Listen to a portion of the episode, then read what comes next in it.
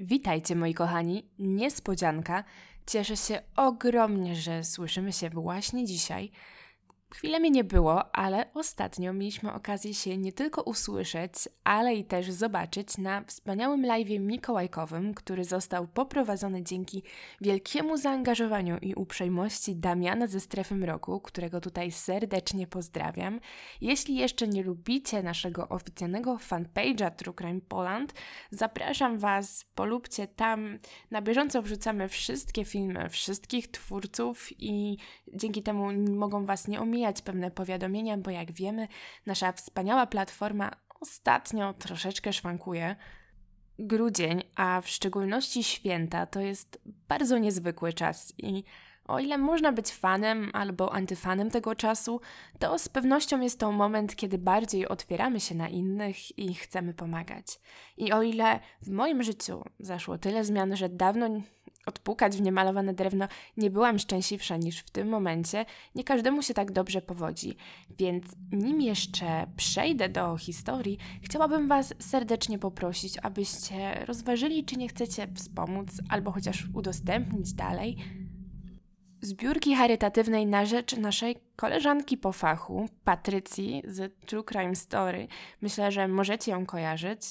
Wykonuje ona kawał świetnej roboty, a niestety funkcjonuje w dosyć tragicznych warunkach i jest bardzo chora. Także jeżeli byście chcieli się nad tym pochylić, zostawię link pod spodem w opisie filmu, albo w sumie nie, jeszcze lepiej, podepnę to w komentarzu. I byłabym bardzo wdzięczna, gdybyście może się na chwilę zastanowili, czy nie chcielibyście troszeczkę pomóc koleżance jest bliska mojemu sercu, dlatego że pochodzimy z tego samego miasta i poniekąd zajmuje się podobnymi rzeczami na co dzień jak ja.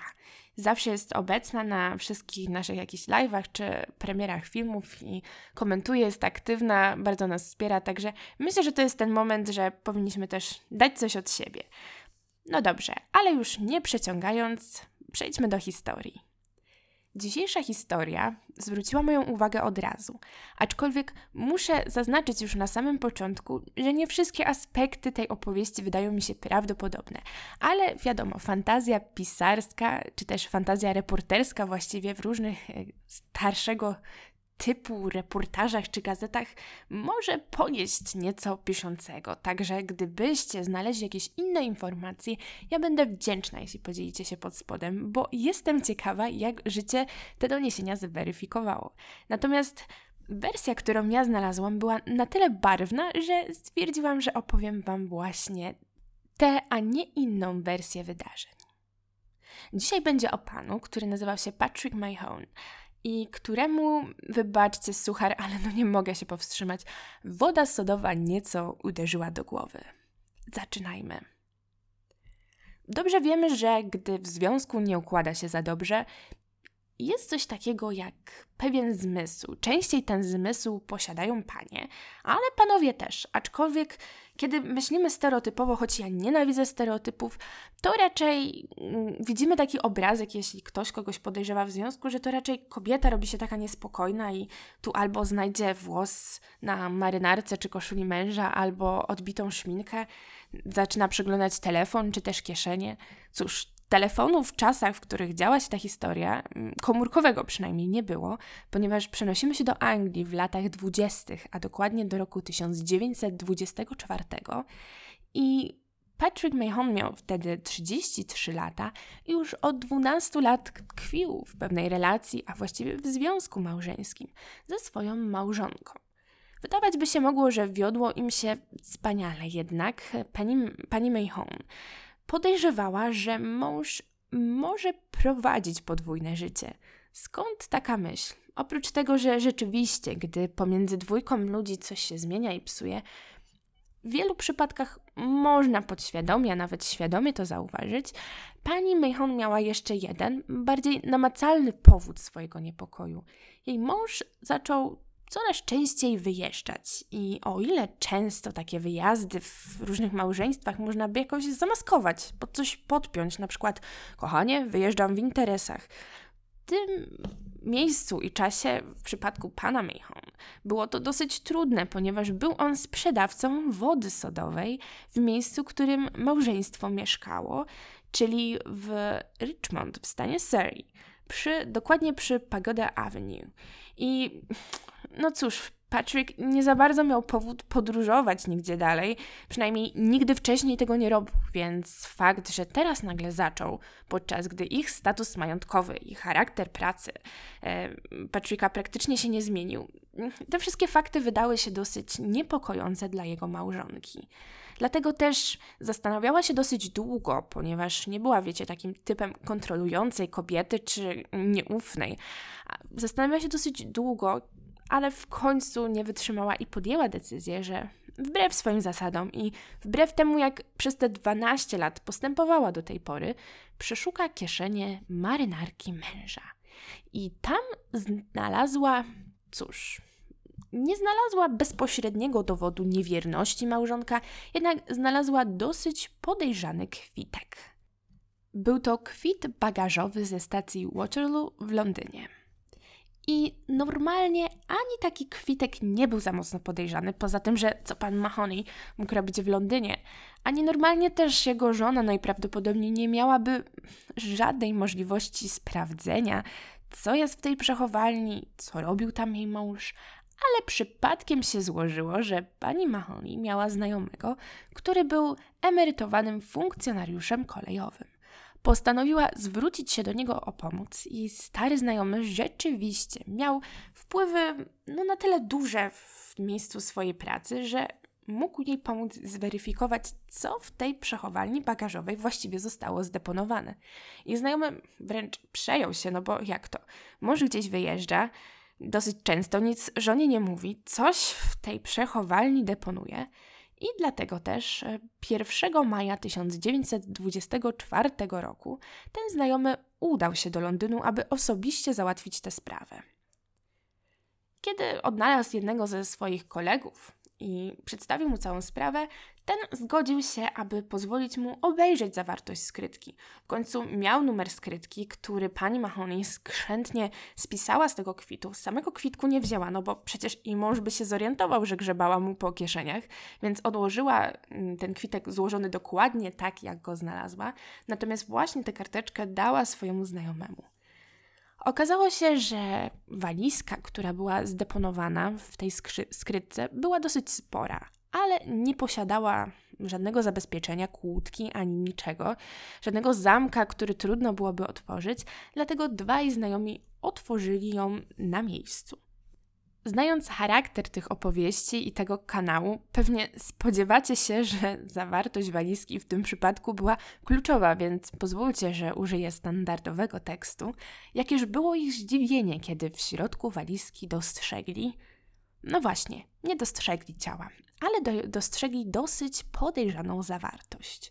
Mianowicie w tej torbie znajdowały się przesiąknięte czerwoną substancją koszula, spodnie, kurtka. Był także nóż kuchenny dosyć pokaźnych rozmiarów i futerał na rakietę tenisową. Cokolwiek miał tam robić, samej rakiety tenisowej tam nie było. Na tym futerale były ozdobnie wypisane czy wygrawerowane Trudno mi teraz powiedzieć, bo sama tego futerału nie widziałam. Tyle, co w gazetach e, było napisane. Więc e, ten cały futerał był ozdobiony inicjałami E, B, K. Ale nikt z otoczenia pana Mayhona nie miał takich inicjałów.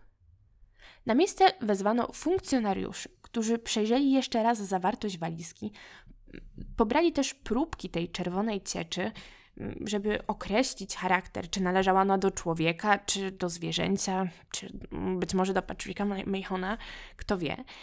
I umieścili całą zawartość walizki z powrotem w tejże walizce, a walizkę w przechowalni, tak jak ją znaleziono. Ponieważ zadecydowano, że no cóż, trzeba przyłapać pana Mayhona na gorącym uczynku. Dlatego też zakładano, że on przyjdzie tę walizkę odebrać. Całą przechowalnię i walizkę miał obserwować funkcjonariusz w cywilu. I tak też się stało. Już następnego dnia Mayhon pojawił się na dworcu Waterloo i gdy usiłował odebrać walizkę, został zatrzymany i od razu przewieziony na przesłuchanie przy Kensington Road. Znaczy to jednak, że każdy właściciel walizki z podejrzaną zawartością był od razu przewożony mm, jako podejrzany na przesłuchanie, choć wydaje mi się, że właściwie byłoby to logiczne. Jednak już na tamten moment funkcjonariusze wiedzieli, że to, co te ślady, które znaleziono na ubraniach, ubraniach, były ludzkie, ponieważ ekspertyza laboratoryjna potwierdziła to w 100%. Dlatego też wysoko prawdopodobne było, zważywszy na ilość tej cieczy, że wydarzyło się coś hmm, bardzo, ale to bardzo niedobrego i najprawdopodobniej niezgodnego z prawem. Z początku Patrick Mahon stwierdził, że będzie zgrywał tak zwanego głupa i próbował przekonać funkcjonariuszy, że tak naprawdę przewoził on mięso psa, owinięte w te stare szmaty, które były w jego torbie, dlatego też przesiąkły one tą podejrzaną czerwoną substancją i to tyle. Jednak funkcjonariusze już na tamten moment, jak już wcześniej wspominałam, mieli wyniki, które potwierdzały, że cóż, były to ślady ludzkie. Dlatego, gdy Patrick został poinformowany o tym, że może jego historia jest urokliwa i można by jej dać wiarę, istnieją dowody, które przeczą tej wersji wydarzeń. Dlatego też e, Patrick postanowił zmienić tę opowiastkę i dodał taki, wiecie, tłumaczący fakt, że to jest. To są ludzkie ślady element. Powiedział, że w trakcie ćwiartowania mięsa z psa nie wiem po co było mu mięso z psa, bo raczej takie zwyczaje są w Azji, chociaż nie wiem jak to było w latach dwudziestych w Anglii, być może sytuacja nie była na tyle dobra i po prostu tego mięsa brakowało. W każdym razie Patrick powiedział, że podczas ćwiartowania tego mięsa, no cóż, zranił się w rękę i stąd no ta komponenta ludzka w tych mm, plamach na tych ubraniach. Jednak, wiecie, ta historia nie była zbyt wiarygodna, zważywszy na to, że no, bardzo dziwna sytuacja. Po co mu były te szmaty? Czemu ich po prostu nie wyrzucił? Czemu ich nie spalił w kominku? Postanowiono więc historię drążyć dalej. A jako, że tylko prawda jest niezmienna, po paru godzinach Mayhon bardzo, ale to bardzo plątał się w zeznaniach. Takim elementem, który złamał mężczyznę podczas przesłuchania, było powtarzające się wciąż pytanie, kim jest EBK, do kogo należą te inicjały. W końcu mężczyzna załamał się i przyznał, że futerał na rakietę tenisową nie jest jego własnością, a jest własnością jego kochanki, Emily Bilby Kay, z którą nawiązał romans już przed kilkoma miesiącami. Gdy udzielił tej informacji, coś w nim pękło i właściwie już niepytany dalej zaczął opowiadać po kolei dosyć dziwną sekwencję wydarzeń. Patrick wyjaśnił, że spotykał się z Emily Kay w domku stojącym na kamienistym wybrzeżu, zwanym Crumbles, pod Eastbourne w hrabstwie Sussex. I to właśnie tej informacji, o ironię, poszukiwała zresztą bezskutecznie, choć nie do końca, pani Mayhon w kieszeniach swojego męża, ponieważ miała przeczucie, że coś jest nie tak i że mąż najprawdopodobniej ma inną. Jednak informację zdradzoną podczas przesłuchania pani Mayhon miała okazję usłyszeć dopiero na procesie męża. W tym momencie, w momencie przesłuchania, ona nie wiedziała nawet, że jej mąż został zatrzymany. Tymczasem Mayhon mówił dalej. W nocy z 12 na 13 kwietnia, a był to weekend, który spędzał, no, raczej nie z żoną, miało dojść do pewnej sprzeczki pomiędzy kochankami i szamotaniny, podczas której Emily podobno miała się potknąć i upaść. Upaść tak nieszczęśliwie, że trafiła akurat głową w ostrą krawędź stojącego nieopodal wiadra na węgiel. Michon przysięgał, że robił wszystko, ale to wszystko, by swojej ukochanej życie przywrócić. Co w świetle tego, co opowiem za chwilę, jest, hmm, cóż, można by stwierdzić jasno, bójdą, ale o tym za chwilę. Lecz Emily niestety odeszła i odeszła podobnoż ze skutkiem natychmiastowym po tym upadku. Bojąc się ujawnienia zarówno swojego romansu, jak i kłopotów, no bo cóż, nieszczęśliwy wypadek, on tutaj sam na sam z Emily, co by się stało, Mayhon w popłochu opuścił domek, w którym spędzali jakże romantyczny weekend i pozostawił tam jej szczątki. Co ciekawe, w drugiej części owego budynku mieściła się siedziba Straży Przybrzeżnej, dlatego było to dosyć dziwaczne, właściwie podejrzane, albo cóż, można by po prostu stwierdzić, że to nie fart, ponieważ żaden ze strażników w trakcie całego weekendu nie zauważył niczego niepokojącego i nie zwrócił na nic uwagi. Nie wiemy, czy funkcjonariusze, gdy usłyszeli tę historię, łyknęli ją tak od razu, ale wiadomo, że gdy nareszcie pojechano na miejsce zdarzenia i gdy pewien dosyć znany lekarz zbadał szczątki, a lekarz ten nazywał się Sir Bernard Spilsbury, okazało się, że historia przedstawiona przez Patricka nie miała najmniejszego sensu, no i niespodzianka znów nie była zgodna z prawdą. Po pierwsze, Przyczyną jakże nagłego zejścia Emily nie mogło być uderzenie w głowę, o którym mówił Patrick, przynajmniej nie uderzenie o wiadro na węgiel. Z jednego prostego powodu. Wiadro to nie nosiło żadnych śladów. Ponadto istniała pewna trudność w określeniu tego, jaki był charakter uderzenia w głowę Emily, ponieważ głowy tej nie odnaleziono. No to pytanie, co właściwie w nadmorskim domku odnaleziono? Określenie szczątki, którego użył Patrick, było, cóż można powiedzieć, nadzwyczaj na wyrost, wręcz uprzejme i eleganckie w stosunku do tego, co właściwie odnaleziono na miejscu ponieważ gdy funkcjonariusze wkroczyli do części mieszkalnej domku, w którym spędzali kochankowie swój upojny weekend, odnaleźli m.in. pewną ilość rondli z gotowanym mięsem. I no cóż, nie muszę mówić, czyje mięso to było, raczej nie obiadowe.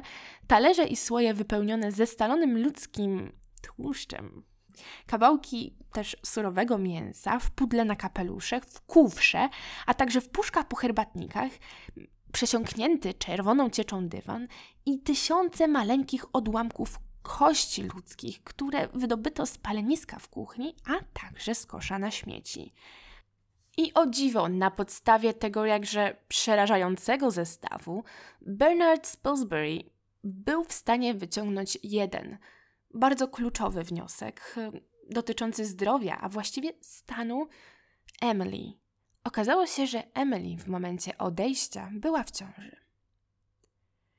Patrick właściwie w tamtym momencie nie był osobą bez skazy, bo gdy spotykał się z Emily, o czym myślę, jest duże prawdopodobieństwo, że Emily nie wiedziała, był już człowiekiem, który był uprzednio notowany.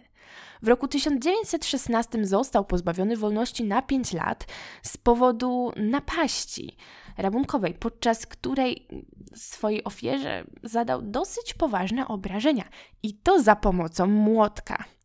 A w trakcie procesu mówiono m.in. o jego bardzo gwałtownym usposobieniu i charakterze.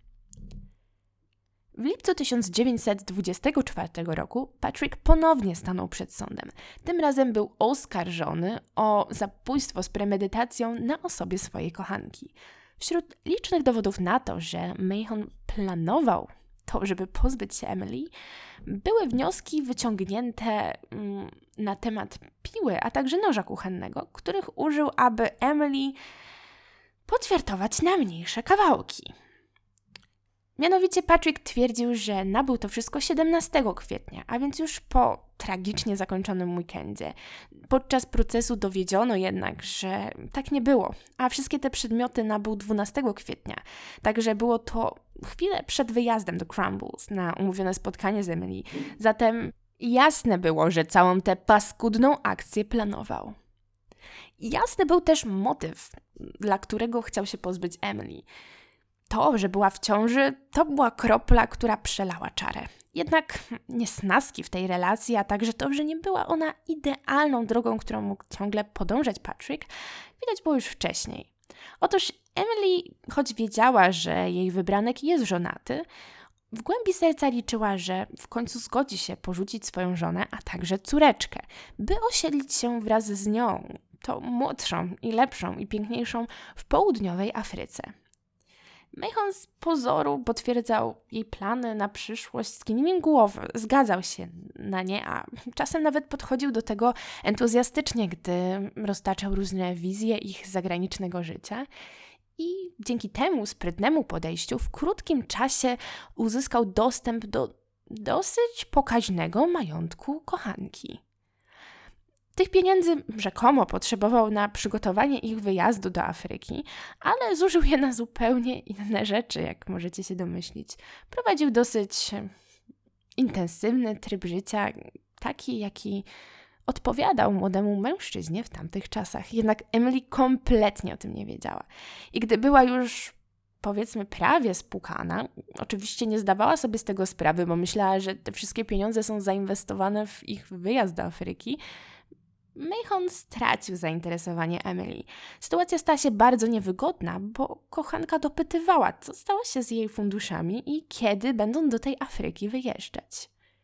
No i niestety nadszedł czas, w którym Emily wyznała Patrickowi, że jest w ciąży.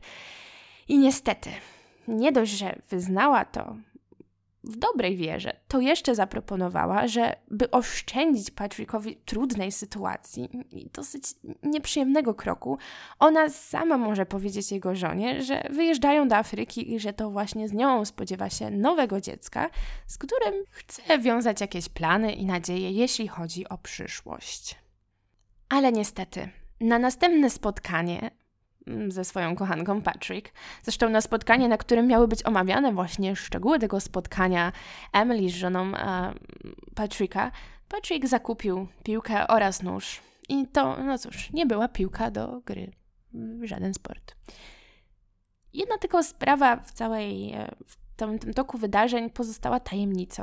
Nigdy nie odnaleziono głowy Emily, która nosiła ślady tego ciosu, który odebrał jej życie. Dlatego nie do końca można było określić narzędzie, którym tego dokonano, a także mechanizm, w jakim kobieta e, odeszła. Najprawdopodobniej była to siekiera, ponieważ na terenie domku, na właściwie terenie całej tej posiadłości, znaleziono potem siekierę, która była pęknięta. Jednak bez głowy trudno było stwierdzić. Gdy reporterzy dowiedzieli się o tym, że nie odnaleziono ani kości czaszki, ani szczątków mózgu lub innych części twarzy czaszki, napisali o tym w gazetach i wkrótce całą okolicę ogarnęło dosyć kluczowe i nurtujące wszystkich pytanie, gdzie jest głowa Emily Kay? I o dziwo, takie, wi taka wiadomość wywołała pewien odzew społeczny. I choć nie oferowano za odnalezienie głowy kobiety żadnej nagrody, wkrótce okolice zwykli ludzie zaczęli przekopywać różnymi łopatami i różnymi szpadlami w poszukiwaniu głowy kobiety. Niestety, szczątków tych nigdy, ale to nigdy nie odnaleziono. W oczekiwaniu na proces Patrick w końcu pękł i opowiedział, jak pozbył się tej kluczowej części Emily. Jest to moment, w którym nie do końca dowierzam źródłom, do których się dokopałam, jednak wiecie co, spójrzmy na to z przymrużeniem oka, a ja wam to po prostu opowiem, bo sam dramatyzm i to, jak kogoś w opisaniu końcówki tej historii poniosło, jest niesamowity. Także dajmy się porwać e, temu nastrojowi, nastrojowi i tej wersji wydarzeń, a jak było naprawdę, będziemy się niestety mogli tylko domyślać. Jak już mówiłam, Patrick pękł, jeśli chodzi o to, co zrobił z głową Emily i postanowił w końcu zdradzić ten moment całego niechlubnego czynu, kiedy tej części się pozbywał. Otóż próbował ją spalić w kuchennym piecu, aby utrudnić identyfikację szczątków znalezionych na miejscu w Crumbles. Gdy umieścił głowę na rozżarzonych węglach, pod wpływem wysokiej temperatury podobno powieki nagle uniosły się i ukazały oczy kobiety. I w tym momencie Patrick zdenerwował się do tego stopnia, że podobno musiał wyjść przed dom. Gdy wrócił, to po głowie nie było już śladu. W jego pamięci utkwił też jeszcze jeden szczegół, który był związany ze spaleniem głowy Emily. Otóż podobno w momencie, gdy nagle spojrzał wprost w tej otwarte, oczy, martwe oczy, usłyszał straszliwy grzmot. bo właśnie trwała burza. I w chwili, gdy podczas procesu znów zapytano się go o moment pozbycia głowy, z dala też usłyszano grzmot. I sąd musiał zasądzić aż 15-minutową przerwę, by oskarżony uspokoił się i mógł zeznawać dalej.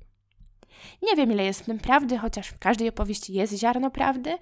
Natomiast e, Patrick Mahon został uznany oczywiście winnym morderstwa i w tym czasie w Anglii, niestety lub stety, w zależności po której stronie jesteście, obowiązywała kara śmierci, dlatego też mężczyzna został stracony 9 września 1924 roku. I to już koniec tej niesamowitej albo całkiem przewidywalnej historii. Jestem ciekawa, co sądzicie o, o tej całej sprawie i o tym, że każde małżeństwo ma gorsze i lepsze chwile, wzloty i upadki. Ja osobiście jestem zwolennikiem bycia świadomym konsekwencji swoich czynów. I skoro Patrick zdecydował się aby zacząć romans z Emily, powinien być świadomy konsekwencji, a także tego, że prędzej czy później będzie musiał jeden ze swoich związków zakończyć. Trzymajcie się ciepło, trzymajcie się zdrowo. Nie zapomnijcie zostawić łapki w górę, zasubskrybować, zostawić komentarza, bo ostatnio algorytmy na YouTube dla nas wszystkich twórców nie są łaskawe i bardzo obcinają zasięgi. Postaram się niedługo znów coś wyrzucić. Wybaczcie, ale ostatnio życie jest dla mnie szaleństwem. I cóż, nie wchodząc w szczegóły, powiedzmy, że odcięło mnie na dwa tygodnie z powodu choroby gardła, a także tego, że miałam swoje urodziny, także było bardzo dużo niespodzianek urodzinowych, które sprawiły, że niestety nie było czasu na nagrywanie. Natomiast postaram się, obiecuję, postaram się w okresie świątecznym Wam to wynagrodzić z nawiązką. Mam też nowy mikrofon, także mam nadzieję, że słyszymy się w lepszej jakości. No i co tam jeszcze? Wpadajcie na True Crime Poland, no i oczywiście bardzo, ale to bardzo dziękuję moim patronom. Do usłyszenia już całkiem niedługo. Pa!